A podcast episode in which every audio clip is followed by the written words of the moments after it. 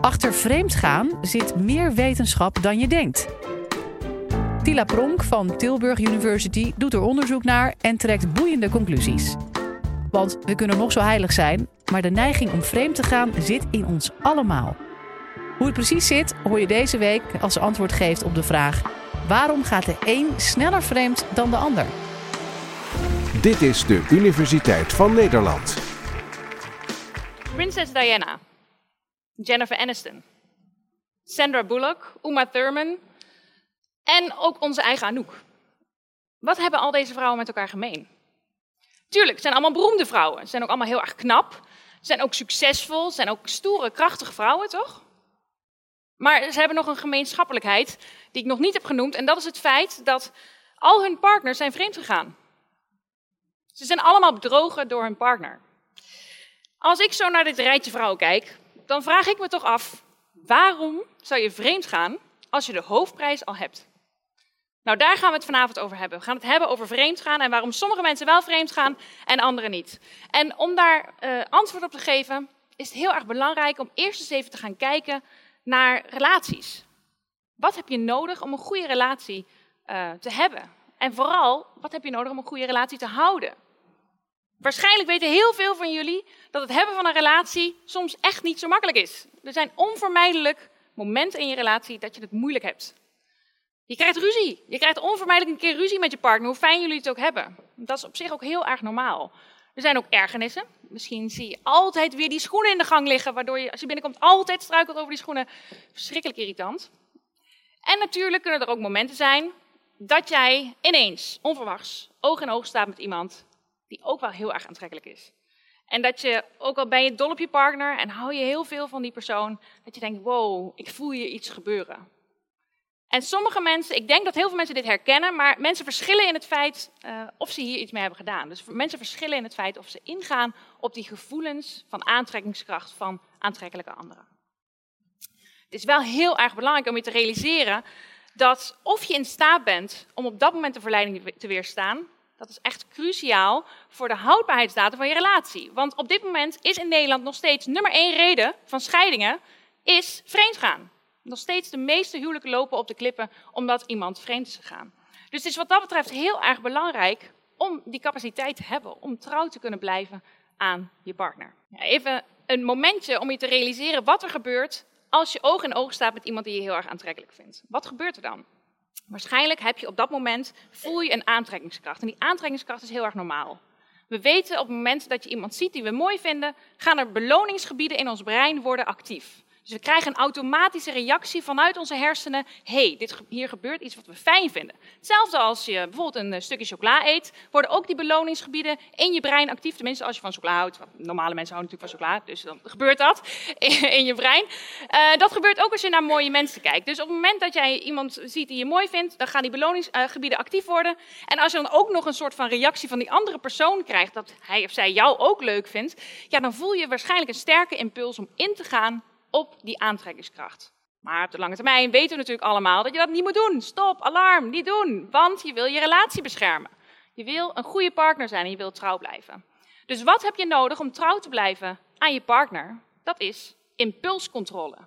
Je moet in staat zijn om die eerste impuls, dat automatische gevoel van aantrekkingskracht, een beetje te onderdrukken, te reguleren.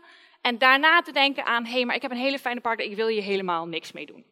Dus dat was eigenlijk mijn hypothese voordat ik aan mijn onderzoek begon was, je hebt impulscontrole nodig om om te gaan met verleidingen in je relatie.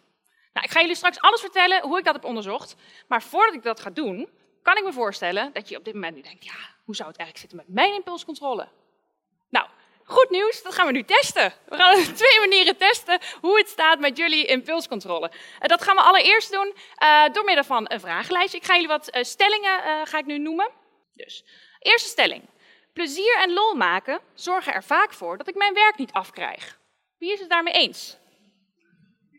Oké, okay, wel vrij veel handen. Tweede stelling. Ik wou dat ik meer zelfdiscipline had.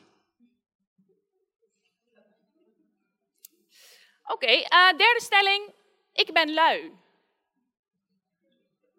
Heel eerlijke mensen in de zaal, dank je. Uh, en tot slot, ik zeg vaak dingen die ongepast zijn. Oké, kijk. Dit zijn vier verschillende stellingen. Die zijn echt afkomstig uit een vragenlijst naar zelfcontrole. En als je nou heel vaak je hand hebt opgestoken, betekent twee dingen. Ten eerste, je hebt heel goed meegedaan, dankjewel. Super, heel fijn. Doen we goed. Ehm, ten tweede betekent het dat je waarschijnlijk niet zo heel veel zelfcontrole hebt. Boe, is geen goed nieuws. Dan ga je na, na dit, deze presentatie denken, oh jee, dat is niet uh, fijn. Maar ik heb, dus, er is nog een herkansing, want er kan ook uh, zelfcontrole of impulscontrole kan je ook op een andere manier meten. Niet met vragen. Vragen zijn namelijk, kan je ook heel veel fouten mee maken. Hè? Want soms hebben wij helemaal niet zoveel inzicht in ons eigen niveau van zelfcontrole. Misschien denk je wel dat je lui bent, maar valt in praktijk best wel mee, joh. Echt, je bent helemaal niet zo lui als je denkt. Of andersom misschien. Um, en mensen zijn ook niet altijd eerlijk als ze vragen moeten beantwoorden, want we doen ons graag een beetje beter voor dan we zijn. Dus uh, nu, dit komt echt, nu komt echt de taak. Uh, geen kans om te ontsnappen. Um, in deze taak gaan jullie zo meteen um, woorden zien in het scherm. En die woorden die hebben allemaal een verschillende kleur. En de opdracht is heel erg simpel. Benoem de kleur van de inkt. Dus je ziet gewoon een woord en een kleur verschijnen. Hartstikke makkelijk. En uh, de vraag is dus, benoem de kleur van de inkt. Negeer daarbij wat er staat, helemaal niet belangrijk. Woord wat staat, is echt niet belangrijk. Let er gewoon niet op. En, let, en benoem de kleur van de inkt. En ik wil jullie allemaal graag uitnodigen om dat hardop te doen. Gaan we allemaal even uh, dit taakje uitvoeren. Oké, daar gaan we. Juist.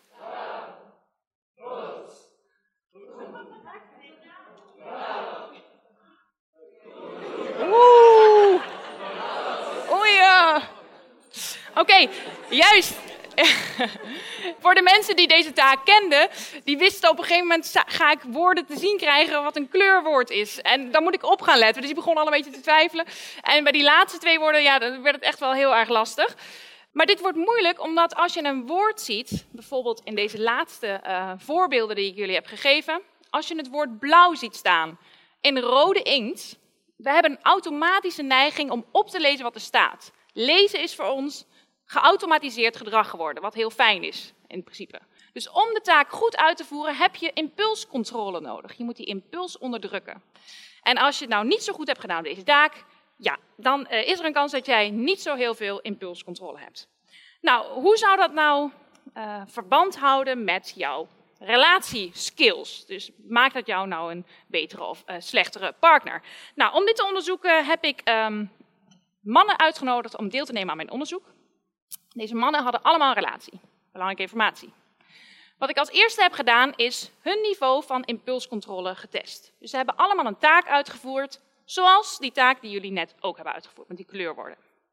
Vervolgens heb ik die mannen gevraagd om plaats te nemen in een wachtruimte. Zogenaamd omdat ik het volgende gedeelte van het onderzoek nog moest opstellen. Wat ze niet wisten was dat die wachtruimte was eigenlijk het volgende gedeelte van het onderzoek. Ze zaten in die wachtruimte en er waren twee dingen aanwezig. Ten eerste een videocamera en ten tweede een hele mooie vrouw. En die vrouw was een medewerker van ons experiment, maar dat wisten die mannen niet. Zij deed zich voor als een andere deelnemer, die ook toevallig in die wachtruimte zat, omdat ze deelnam aan het experimentje.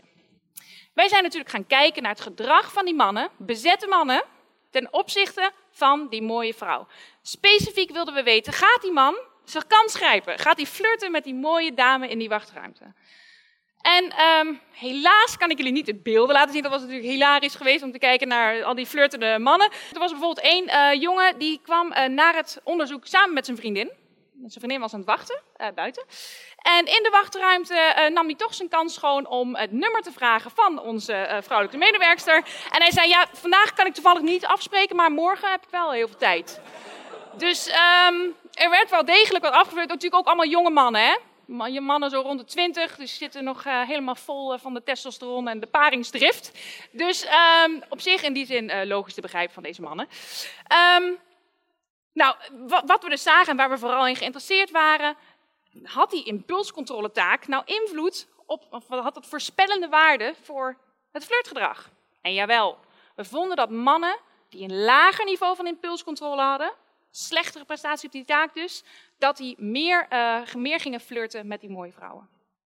En het is wel heel erg belangrijk om te vermelden, dit onderzoek was bij mannen, maar ik heb natuurlijk ook nog ander onderzoek gedaan, ook bij vrouwen. En vrouwen zijn ook geen heiligen. Vrouwen kunnen ook vreemd gaan. En ook vrouwen hebben dus die impulscontrole nodig om trouw te blijven aan hun partner. Uh, misschien vraag je je af, ja, die impulscontrole, het lijkt een beetje op intelligentie. Is het, is het nou intelligentie of is het iets anders? Het is geen intelligentie, het is echt iets anders. Um, er is weinig verband tussen intelligentie en impulscontrole. En um, anekdotisch bewijs hiervoor is dat Albert Einstein dat hij echt berucht was om het hebben van hele slechte relaties. Hij ging vreemd aan de lopende band, had een waardeloos huwelijk. En hij zei ook regelmatig dat hij echt geen idee had hoe hij zijn uh, relatie goed kon laten functioneren. En dat was toch wel ja, uh, waarschijnlijk de allerslimste man die ooit geleefd heeft. Dus intelligentie is het niet. Uh, misschien is dat een geruststelling of een teleurstelling. Dat weet ik niet, dat mag je voor jezelf bepalen. Maar je moet wel zeker je hoofd gebruiken. Er is ook onderzoek geweest waaruit blijkt dat je hersenen zeker actief worden op het moment dat wij omgaan met aantrekkelijke anderen. Ik heb al even genoemd dat het kijken naar mooie mensen, dat stimuleert de beloningsgebieden in je brein. Dat gebeurt automatisch. Maar als je een relatie hebt, gebeurt er iets interessants. Als je kijkt naar een mooi persoon, worden niet alleen maar de beloningsgebieden in je brein actief, maar ook de controlegebieden in je, in je brein. De gebieden in je brein die ervoor zorgen dat je je gedrag kan controleren. En wat ook interessant is, als, je, uh, als die controlegebieden geactiveerd worden, worden automatisch die beloningsgebieden minder actief.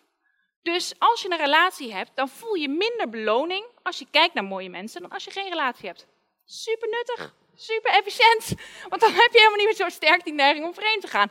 En ik zal het je nog sterker vertellen, dit effect is veel sterker voor mensen die ook nog eens heel erg blij zijn met hun partner. Want natuurlijk, de kwaliteit van je relatie doet er wel degelijk toe. Um, misschien denk je nu, oké, ik heb waardeloos gepresteerd op die vragenlijst, want ik stak telkens mijn hand op. En ik kon echt totaal niks met die kleurwoorden, dat lukt me helemaal niet. Dus ik ben verloren. Ik, heb gewoon, ik ga me nooit lukken om een goede relatie te hebben. Nou, dat is gelukkig niet helemaal waar.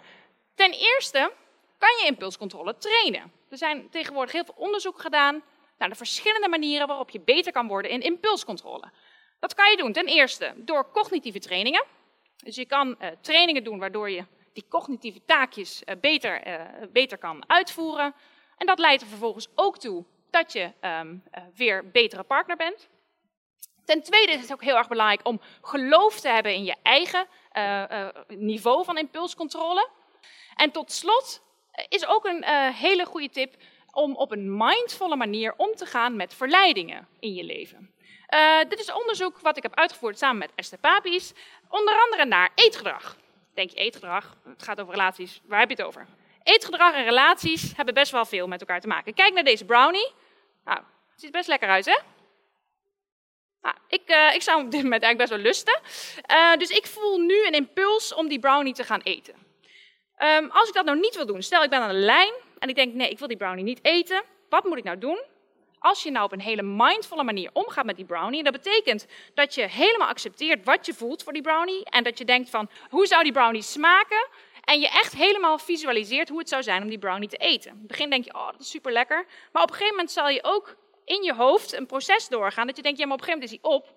En dan heb ik eigenlijk een hele brownie gegeten terwijl ik het niet wilde. En dan heb ik ook geen zin meer in, want dan voel ik mezelf heel, helemaal dik en dat wil ik helemaal niet. Dus die manier van omgaan uh, met verleidingen helpt je om in te zien dat impulsen per definitie tijdelijk zijn. Dus een brownie is nu aantrekkelijk, maar als ik er zes heb gegeten, echt helemaal niet meer. Dus uh, accepteer dat verleidingen per definitie tijdelijk zijn. Dat geldt voor eten en dat geldt ook voor de liefde. Dus stel je voor, je staat oog in oog met um, nou ja, een heel aantrekkelijk uh, hapje. Dan uh, kan je je voorstellen, uh, als je nou George Clooney in levende lijf tegenkomt en, je denkt, en hij zegt, ik wil je. Wat ga je dan doen? Nou, dan kan je denken, ja, George is leuk voor nu. Maar vind ik het ook nog straks leuk als we dan echt daarop in zijn gegaan? Ik denk dat ik het misschien dan helemaal niet meer zo leuk vind. En misschien ben je helemaal niet zo de moeite waard als ik nu denk en voel. Nou, um, dat brengt mij naar de conclusie van um, mijn college. Waarom gaan sommige mensen eerder vreemd dan anderen? Dat is echt een kwestie van impulscontrole. Mensen verschillen in de mate waarin ze hun impulsen kunnen controleren.